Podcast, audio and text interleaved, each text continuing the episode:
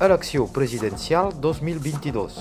Sociologia d'un escrutini amb en Gauthier Sabrià. Avui parlarem d'una eina que té una plaça important en temps de campanya, són els sondejos. Et si Macron en primera posició, això ho tenim clar. Ha un bri d'incertitude per la segona plaça. Possiblement serà una dona, o bé la Marine Le Pen, o bé la Valérie Pécresse dels republicans. Espereu, espereu. Uh, veieu no, veieu seria el nou vingut, l'Éric Zemmour, que podria passar a la segona. Une sorte de, de, de, de sursaut, de, de réveil, je sais pas comment dire ça. Aujourd'hui et demain à Perpignan. Aujourd'hui et demain à Perpignan. Visca Catalunya, visca Catalunya, visca Catalunya. Cada setmana apareixen nous sondejos i de tant en quant ens donen informacions diverses. Aquesta és la nova tendència, tenir cada cop més sondejos. I si teniu la sensació que vos acompanyen al dia a dia i quasi bé dicten el tempo d'aquestes presidencials, bé, veieu, teniu raó. Amb les cadenes d'informació en continu, amb les xarxes socials, els veiem per tot. Veieu, són el símbol d'un canvi filosòfic, la famosa cultura del moment. Crec que avui ens hem acostumat a tenir les informacions molt més en directe i les campanyes electorals que duren mesos i mesos ja semblen pas més quadrar amb les nostres maneres de consumir l'informació. Així tenim la sensació de poder seguir les tendències, l'evolució i les repercussions directes de la campanya. I la nostra sensació de tenir-ne cada cop més s'explica amb les xifres.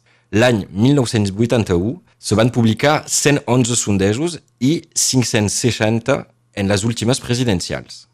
Ara bé, la situació sembla paradoxal. Per què ens fiem tant als sondejos que s'interessen a possibles vots justament quan la gent vota cada cop menys?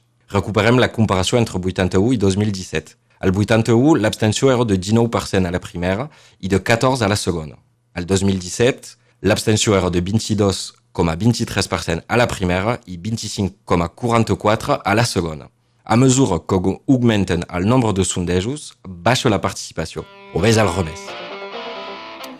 Benvinguts als nombrosos fidèles habituats. Je vais commencer par vous parler de ce qui se passe en Catalogne. Euh, je ne vais pas dire que c'est une question simple. hein. Il y a un coup de force que j'entends, que je vois des Catalans. Moi, je souhaite qu'il soit géré dans la paix. Perpignan la rayonnante, Perpignan la souriante.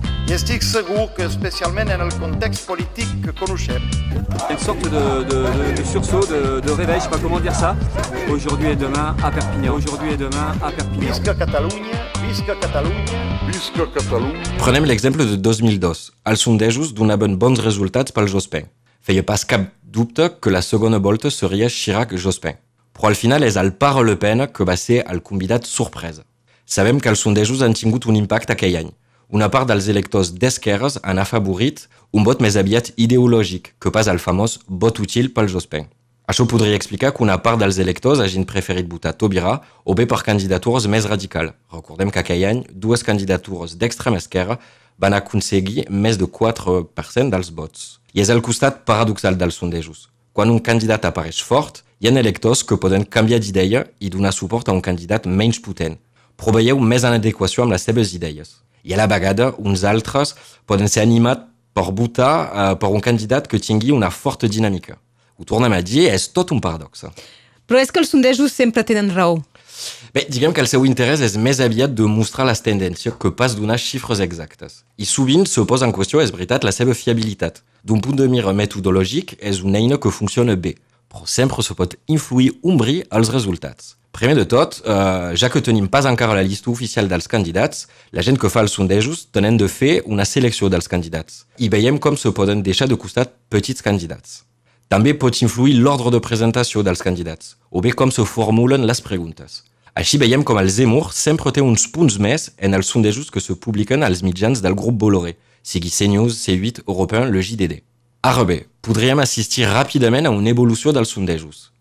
La revista anglesa The Economist acaba de publicar la seva anàlisi per uh, les presidencials utilitzant la data, dades estadístiques que reprenen les tendències de vot al llarg dels anys. Veieu, tenim aquí el futur de les enquestes. Mirar directament com va votar la gent i pas com pensa votar. I recordem que a les 8 del vespre també tenim, de fet, resultats de sondejos. Gràcies, Gauthier. Gràcies a tu. Elecció presidencial 2022. Sociologia d'un escrutini amb en Gauthier Sabrià.